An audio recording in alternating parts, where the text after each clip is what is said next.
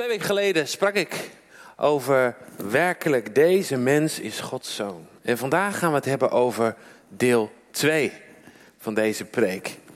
En uh, voordat we dat gaan doen, wil ik samen met jullie bidden.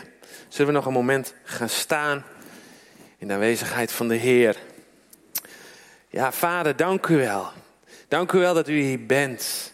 Dank u wel dat u tot ons spreekt vanmorgen op zoveel verschillende manieren. Dank u wel dat, we, ja, dat, u, dat u spreekt tot ons hart. Dat u zich verbindt met ons hart. Dat we verbonden zijn met u. Heer, maar dat we ook verbonden zijn met elkaar. En Heilige Geest, zo nodig ik u uit om te spreken tot ons hart. Dat het woord wat gesproken zal worden, dat het in goede grond zal vallen.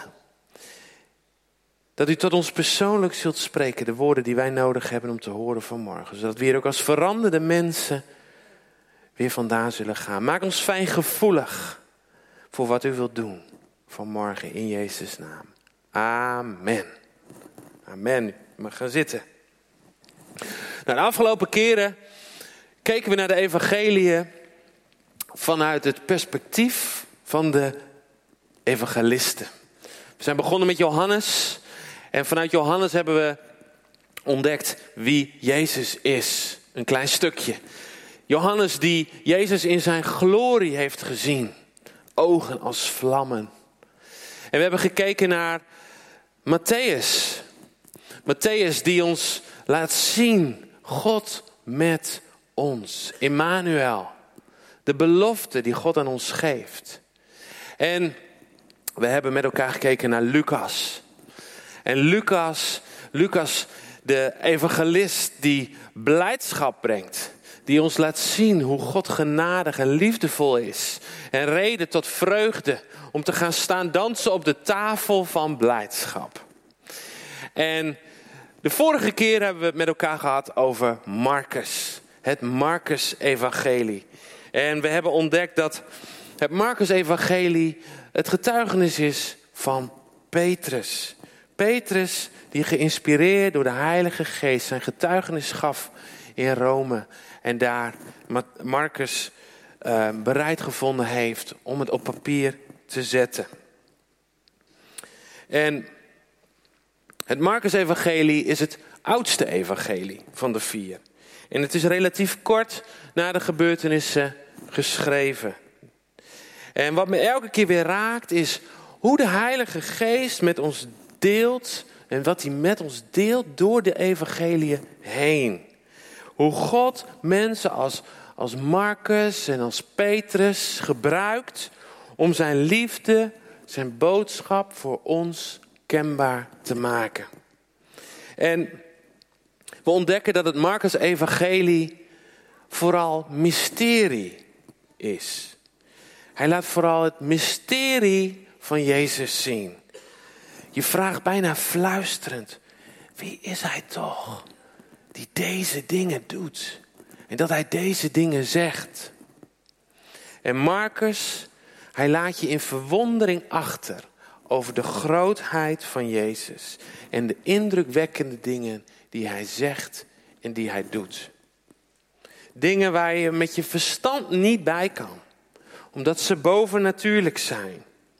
En waar je van eigenlijk alleen maar aan het einde kan zeggen: Ik snap er niks van, Heer, maar ik geloof het met mijn hele hart. En waar zijn we de laatste keer gebleven? We zijn gebleven bij de subtiele verwijzingen. We hebben het gehad over het mysterie. En we zijn aangekomen bij de subtiele verwijzingen. En Marcus die je ja, door de regels heen prachtige verwijzingen geeft naar de diepere betekenis achter een woord of een zin. We krijgen inzicht in die dingen die Jezus belangrijk vindt. Waar legt hij de nadruk op? Wat wil hij zijn discipelen en daarmee ook aan ons duidelijk maken? Als Jezus zegt in Marcus 14: Voorwaar, ik zeg u dat ik niet meer zal drinken van de vrucht van de wijnstok, tot op de dag wanneer ik die nieuw zal drinken in het koninkrijk van God. Dan ontdek je dat dit de belofte is van de bruidegom aan zijn bruid, de gemeente. En dat hij opnieuw met ons die bruiloftsbeker zal drinken met zijn bruid, de gemeente, op het grote bruiloftsfeest. En zo staat het evangelie van Marcus vol met verwijzingen die je misschien op het eerste gezicht niet leest, maar die je ontdekt op het moment dat je dieper graaft, dat je bidt, Heer, wilt u mij laten zien wat hier gebeurt? En waar vinden we nog zo'n subtiele verwijzing? Bent u er klaar voor? Mooi zo. Zoals ik al net aangaf, het evangelie van Marcus is het evangelie waar je van gaat fluisteren. Wie is hij toch dat hij deze dingen doet? Zonder antwoord te geven of zonder een conclusie te trekken, blijf je in verwondering achter. En dit gebeurt bij genezingen, dit gebeurt bij het onderwijs, ja, dit gebeurt bij alle andere wonderen. En zoals het bij het heilig avondmaal eigenlijk in één zin een diepere openbaring gegeven wordt, zo gaan we nu kijken naar een verhaal waar slechts in één kort zinnetje, eigenlijk in één woord, ons een diepere laag laat zien van wat er gebeurt. Laten we met elkaar lezen Marcus 6, vers 48 tot en met 52.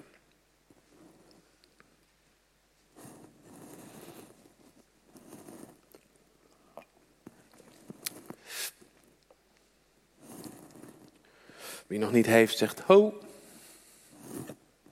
Okay. En hij zag dat zij veel moeite moesten doen om het schip vooruit te krijgen. Want ze hadden de wind tegen. En omstreeks de vierde nachtwaken kwam hij lopend op de zee naar hen toe en wilde hun voorbij gaan. En toen zij hem zagen lopend op de zee, dachten zij dat het een spook was. En ze schreeuwden luid, want allen zagen hem en raakten in verwarring. En meteen sprak hij met hen en zei tegen hen: Heb goede moed. Ik ben het. Wees niet bevreesd. En hij klom bij hen in het schip en de wind ging liggen. En zij waren innerlijk volkomen buiten zichzelf. En zij verwonderden zich, want ze hadden bij het wonden van de broden niets begrepen, omdat hun hart verhard was. We zien hier hoe Jezus naar de discipelen in de boot toekomt over het water. En wie durft er een poging te wagen? Waar voel je in de tekst een bijzonderheid? Wat valt je op? Wie zegt, nou, ik durf me wel even op glad ijs te begeven? Wat zei Elia? Dat is een goeie, ja, hart. Dat bedoel ik niet, maar dat is wel een hele goeie, ja, ja. Oeh, dat is ook wel een interessante, ja, ja.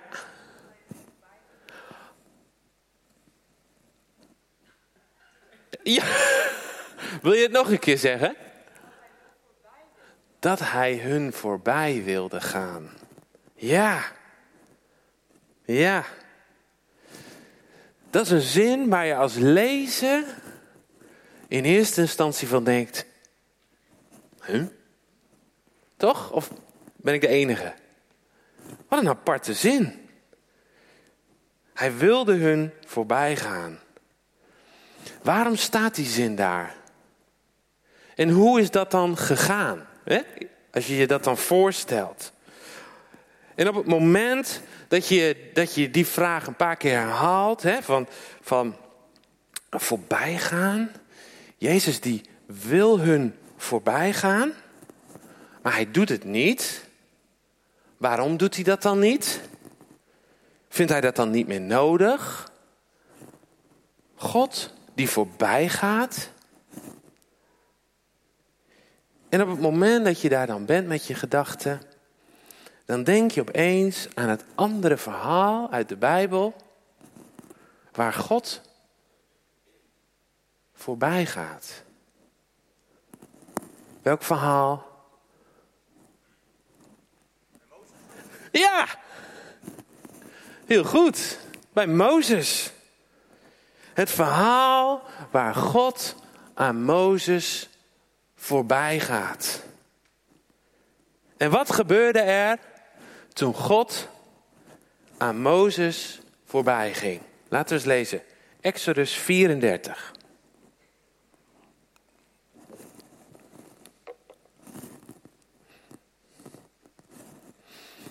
Vanaf vers 6. En wie het nog niet heeft, zegt ho.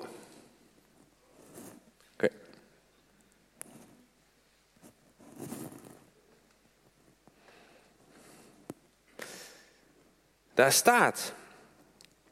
Toen de Heere bij hem voorbij kwam, riep hij: Heere, Heere, God barmhartig en genadig, geduldig en rijk aan goede tierenheid en trouw, die goede tierenheid blijft bewijzen aan duizenden, die ongerechtigheid, overtreding en zonde vergeeft, maar die de schuldige zeker niet voor onschuldig houdt en de ongerechtigheid van de vaders vergeldt aan de kinderen en de kleinkinderen tot het derde en vierde geslacht. Toen haastte Mozes zich, knielde ter aarde, boog zich neer en zei: Heere, als u nu, als ik nu genade in uw ogen gevonden heb, laat de Heere dan toch in ons midden meegaan. Zeker, het is een halstarrig volk, maar vergeef onze ongerechtigheid en onze zonde en neem ons aan als uw erfelijk bezit. Door dit ene detail te benoemen, laat Marcus zien dat Jezus de God is van Mozes. Hij is het die barmhartig is en die genadig is, geduldig is en rijk aan goede tierenheid en trouw. Die een halstarrig volk lief heeft die ongerechtigheden vergeeft en ons aanneemt als zijn erfelijk bezit. Dit is Jezus. En wat in eerste instantie lijkt op een subtiele verwijzing, schreeuwt opeens de naam Jezus van de daken. Prachtig hè? En is dat ook niet in ons leven het geval? De Heilige Geest die zacht jouw naam fluistert. Vibrant. Marcel. Ivan. Wees niet bang. Ik ben het die jou voorbij wil gaan. Kom vandaag bij me in je tegenwind. En ik zal je genade en barmhartigheid laten zien. Kom in mijn aanwezigheid. Want dat is de beste plek. Zelfs als je midden op de zee in een boot zit en het is donker, ben je nog volkomen veilig. Geloof je dat? Mooi. Kan ik nog dieper gaan? Bij Jezus ben je niet alleen op de beste plek. Hij is zelf de beste plek. Want dan staat er en hij klom bij hen in het schip. En de wind ging liggen. Jezus klimt in het schip en de wind gaat liggen. Om te zien wat hier gebeurt, gaan we even snel kijken naar een ander verhaal over een meer en Jezus en zijn discipelen. Dat staat in Marcus 4, vers 38.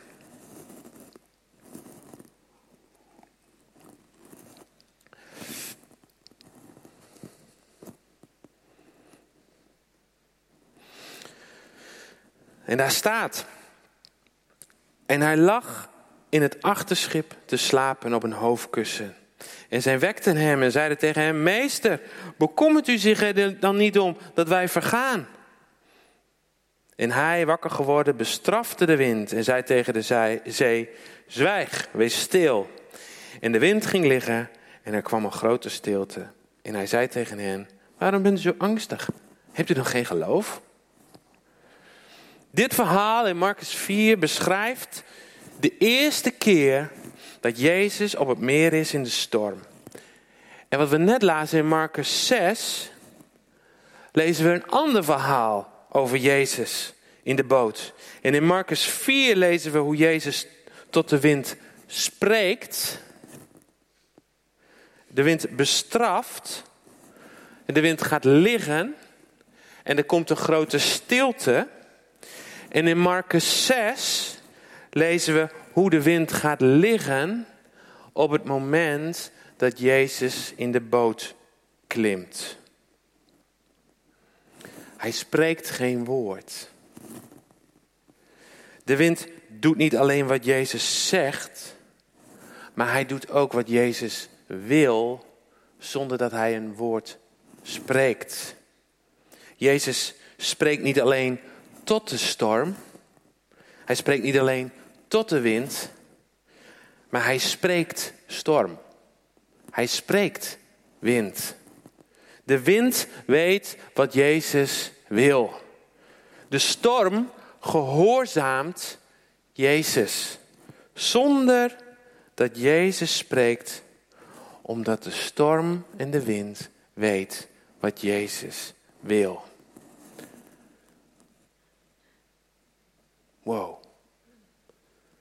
En dan lezen we Romeinen 8. Nou, we gaan er echt in vliegende vaart doorheen. Romeinen 8, vers 22. En daar staat.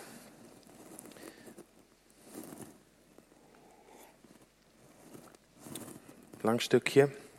Want wij weten dat heel de schepping gezamenlijk zucht. En gezamenlijk in barensnood verkeert tot nu toe. En dat niet alleen, maar ook wij zelf, die de eerstelingen van de geest hebben. Ook wij zelf zuchten in onszelf.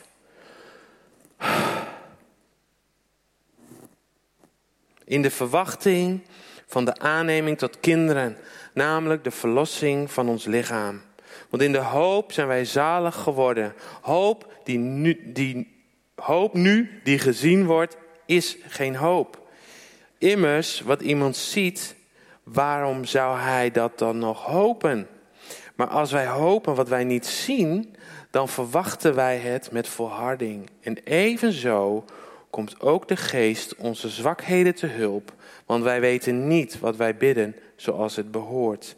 De geest zelf echter pleit voor ons met onuitsprekelijke verzuchtingen. Oeh. Uh. En hij die de harten doorzoekt, weet wat het denken van de geest is.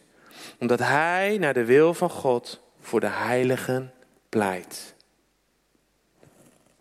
Zoals ook wij zuchten in onszelf, zo zucht ook de schepping in barensnood.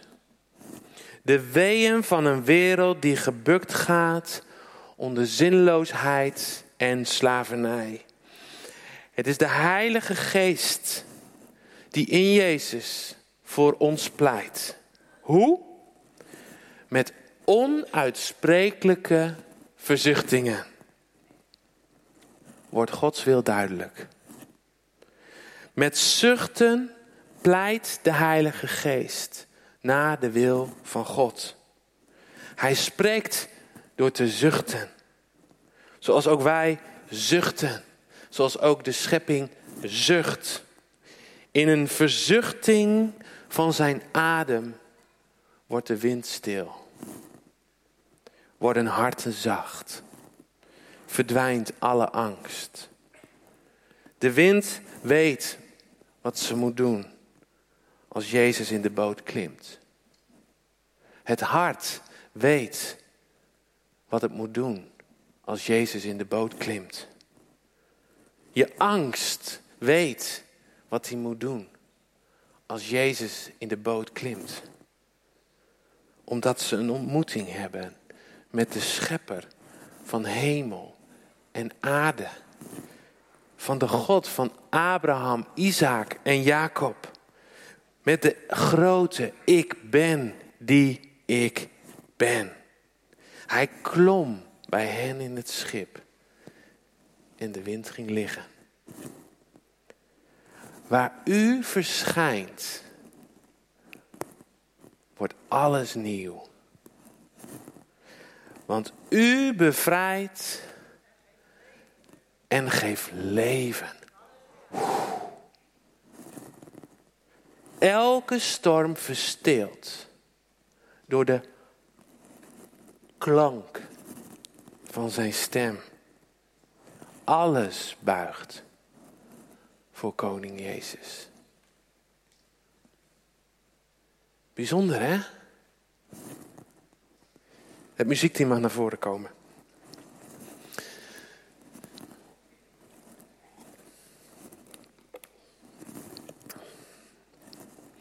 En dan gaan we naar de laatste, een van de laatste kenmerken van het Marcus-evangelie. En dat is de schoonheid van de twee. Dus we hebben het gehad over het mysterie, we hebben het gehad over de subtiele verwijzingen. En dit is de laatste, dus de schoonheid van de twee. Marcus gebruikt twee verhalen die je als het ware over elkaar heen kunt leggen. En daardoor krijgen ze meer betekenisrijkdom. Er staan bijvoorbeeld twee keer een wonderbare spijziging in. Er worden twee keer een blinde man genezen. Twee keer is Jezus met zijn leerlingen op het meer. Maar precies in het Marcus-evangelie, in het midden, zien we iets bijzonders. We zien twee korte verhalen die op het eerste gezicht misschien verschillend zijn. Maar als je ze over elkaar heen legt, dan wordt er iets prachtigs zichtbaar. Zullen we met elkaar lezen? Marcus 8. Vanaf vers 22. En hij kwam in Bethsaida en ze brachten een blinde bij hem en smeekten hem dat hij hem aanraakte. En toen hij de hand van de blinde genomen had, leidde hij hem het dorp uit. En nadat hij in zijn ogen, en nadat hij in zijn ogen gespuwd en zijn handen op hem gelegd had, vroeg hij hem of hij iets zag. En hij keek op en zei: Ik zie de mensen, want ik zie hen, als bomen rondlopen. Daarna legde hij de handen opnieuw op zijn ogen en liet hem weer kijken. En hij was hersteld en zag allen heel duidelijk. En hij stuurde hem naar zijn huis en zei: Ga niet het dorp in en zeg het tegen niemand in het dorp. We lezen hier het verhaal van de blinde man in Bethsaida die door Jezus wordt genezen. En als je het verhaal leest, dan is er iets opvallends aan. Er is iets opvallends aan de genezing van deze man. Wat is er opmerkelijk aan? Het is een genezing in twee keer. De eerste keer spuugt Jezus, legt hem de handen op. Jezus zegt, ja, kun je het zien? En hij zegt, ja, ik zie mensen als bomen.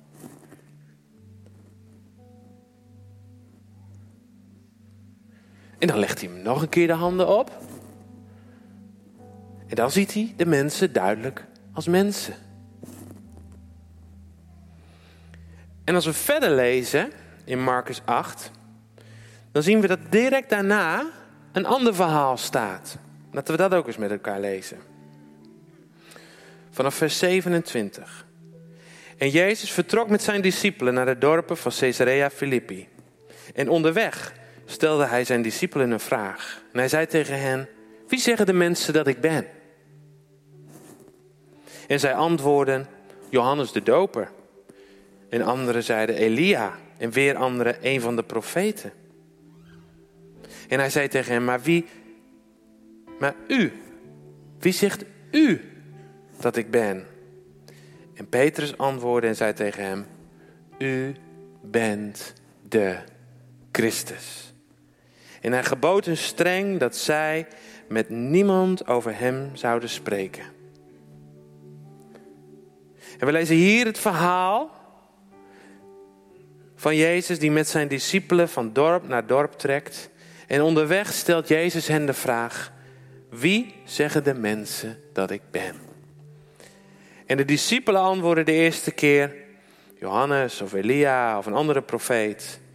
En de tweede keer vraagt Jezus het opnieuw. Maar wie zegt u dat ik ben? En Petrus antwoordde en zei tegen hem: U bent de Christus. We lezen hier twee verhalen. Maar je kan ze prachtig over elkaar heen leggen. Het wordt duidelijk, de blinde, die is natuurlijk gezien blind. Maar de mensen in het tweede verhaal zijn geestelijk gezien blind. De eerste keer zie je het wel, maar je ziet het nog niet duidelijk. Je denkt dat de mensen bomen zijn. Je denkt dat Jezus een profeet is. Of een van de profeten is. Maar dan, de tweede keer, wordt het duidelijk. En je ziet scherp, dit is Jezus. Dit is de Christus, de Messias, de Zoon van God. Maar zeg het tegen niemand. En waarom niet? We weten het niet. We kunnen er naar gissen, maar we weten het niet zeker. En is dit ook niet de rijkdom van het evangelie?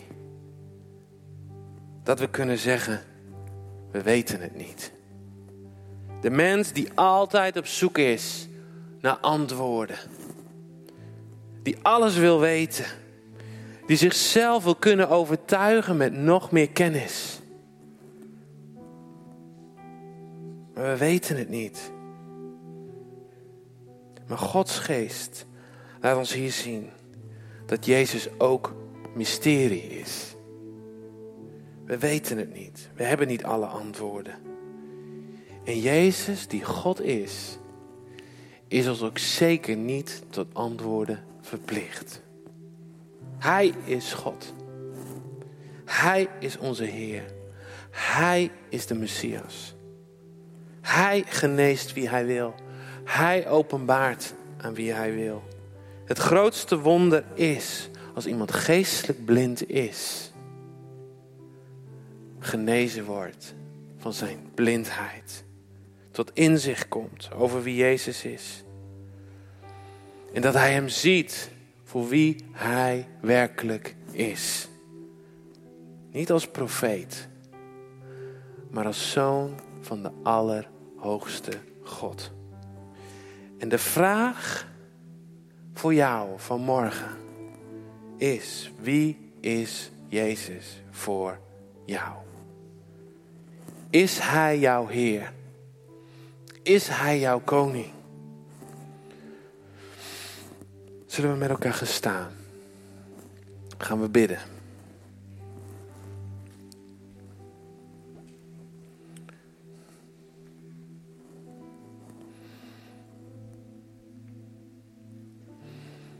Jezus, u bent hier vanmorgen.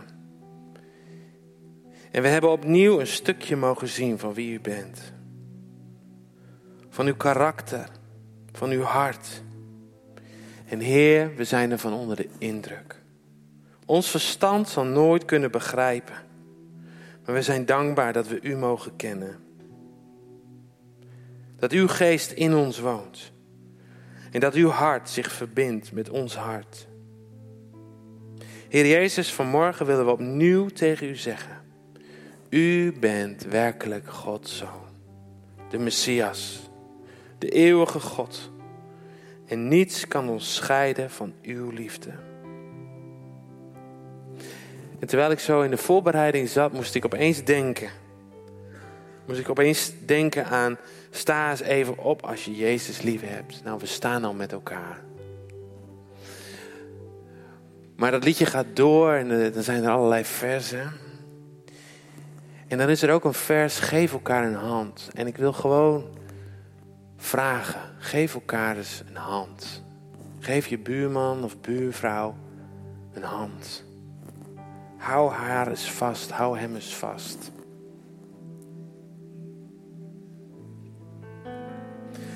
Ja.